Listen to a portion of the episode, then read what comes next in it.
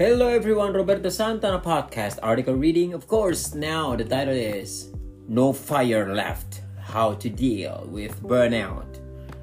It happens gradually and then suddenly. When he wrote these words in The Sun Also Rises, Ernest Hemingway was describing bankruptcy. But he could have been talking about burnout too. Research published in March found that 42% of office workers said they felt burnt out from workplace stress, with women and younger people feeling it most. This included over 10,000 workers in the US, Australia, France, Germany, Japan, and the UK. Burnout can affect us all. So, what does it actually mean? Mental Health UK calls it physical and emotional exhaustion, which may be caused by stress at work. Think of a fire. It stops burning when it has nothing left to feed on.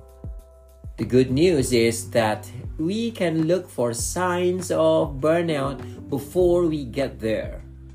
You will probably feel really tired New York University's Wendy Suzuki told CNBC. That might be because work is taking more of your energy or stress from work is affecting your sleep. Suzuki said, We may also stop caring about the things we're doing and we might start getting worried or angry more than usual. The signs might be physical too. You might get sick more often or feel that you're eating more or less than you used to.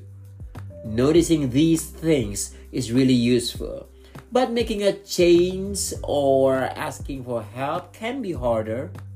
More and more companies are coming to understand the importance of their employees' mental health. Talking to a manager could be a good place to start. If that's not possible, speaking to friends or family, and perhaps a doctor is also important. And getting lots of sleep, eating healthily, and making time for yourself are good ways to try to help stop yourself from losing your fire.